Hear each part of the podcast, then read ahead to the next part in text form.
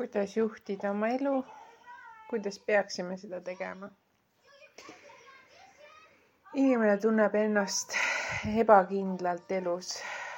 aga kuidas seda saavutada, kuidas see kindlus saavutada? ta pöördub ennustaja poole või palub Jumalalt abi. inimesel on väga suur soov kontrollida oma elu loomad seda ei soovi. loomad ei varu pensioniks raha ja turvaliseks vanaduspõlveks. äkki peaksime olema siis samamoodi nagu kassid elama? me sõltume paljudest faktoritest, erinevatest riikidest, kus keegi võib lasta teist, teise pihta oma tuumaraketi. samuti sõltume ilmastikuoludest, tulekahjud ja üleujutused, rahed mida iganes. me tahame tunda end turvaliselt, kuid me ei saa, sest maailm on pöörane. kuna midagi võib iga hetk juhtuda või mul ei ole midagi. äkki mul ei olegi midagi. ma olen pidevalt hirmul ja seepärast tunnevad inimesed sisemist survet ega tunne õnnelikult ennast selle pärast, mis mul parasjagu on, vaid äh, nad laskuvadki loomatasemele läbi narkootikumide alkoholi. Nad soovivad end maandada nendest pingetest, mis neil on. vanasti oli samuti elu ebastabiilne, aga nüüd oleme hakanud nägema, et sõltume paljudest asjaoludest, mis pole meie kontrolli all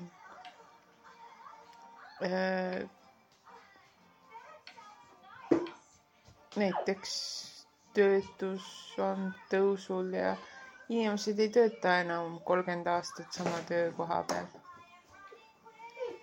sellepärast, et äh, nende ego on suurenenud ja nad soovivad äh, teada, mis on toimumas kogu maailmaga, nad ei soovi olla ühe koha peal.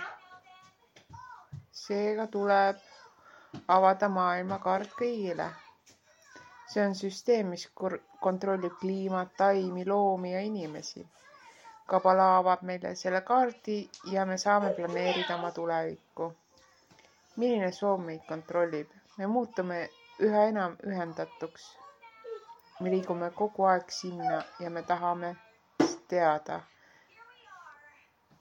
miks me tunneme end ärenema, ärevana, sest äh, me elame oma väikeses peres ainult ja me kuuleme, kuuleme naabritelt, mis toimub, kuid me sõltume tegelikult paljudest faktoritest, aga me oleme sulgunud oma perekonda.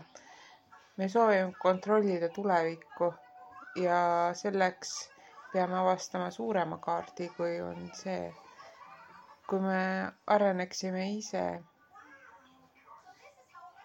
kui, kui me areneksime ise ja kui me areneksime ise ja midagi ette ei võtaks, kuid äh, see oleks siis looma tasemel ja läbi kannatuste. aga kui me ehitaksime omavahel sidemed ja häid, head reeglid ja sõbralikud suhted, siis äh, me ei kannataks kuid kui areneme läbi kannatuste, siis ootavad meid ees maailmasõjad. ja me peame mõistma, et meil tuleb endale ehitada ise turvaline elu lastele ja lastelastele. edu sõltub sellest, et kõigil oleks hästi, mitte ainult min-, ma ei saa edukas olla üksinda.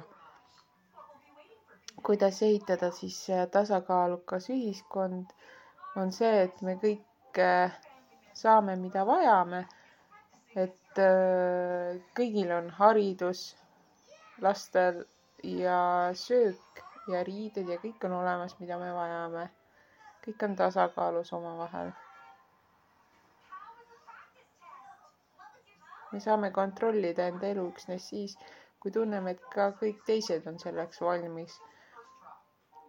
Muidugi tundub see unelm, aga just seda me õpimegi läbi Kabala. meil tuleb ainult otsusele jõuda.